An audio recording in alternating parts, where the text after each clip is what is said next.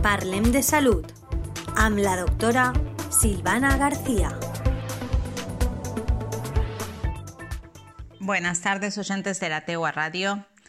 Como siempre otro jueves más juntos y hoy quería recordar que ayer fue el Día Mundial de la Meningitis y bueno, desde la Tegua Radio no queríamos estar ausentes y queríamos compartir la importancia de estar bien informados. Actualmente se ha observado una tendencia ascendente con respecto a la temporada anterior, tanto en números de casos como en los serogrupos, siendo el más prevalente el serogrupo B en todas las edades. Para recordar un poquitito, ya que de esto hemos hablado, la meningitis meningocóxica es una infección causada por la bacteria Neisseria meningitidis o meningococo de los serogrupos A, B, C, W, X e Y.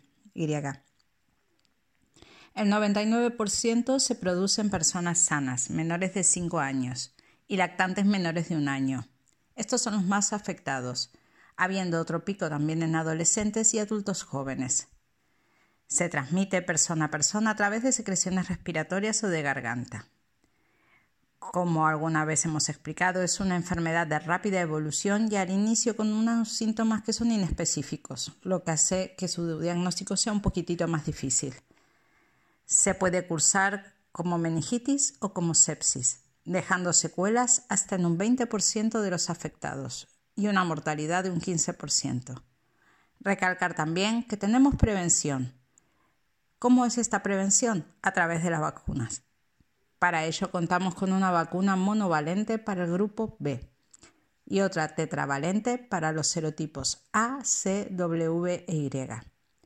Ambas recomendadas en el calendario de vacunación infantil. Y recordar, cuidarnos es parte de todos. Gracias por estar, gracias por compartir. Espero que les haya gustado y nos vemos el próximo jueves. Un saludo. Parlem de Salud amb la doctora Silvana García.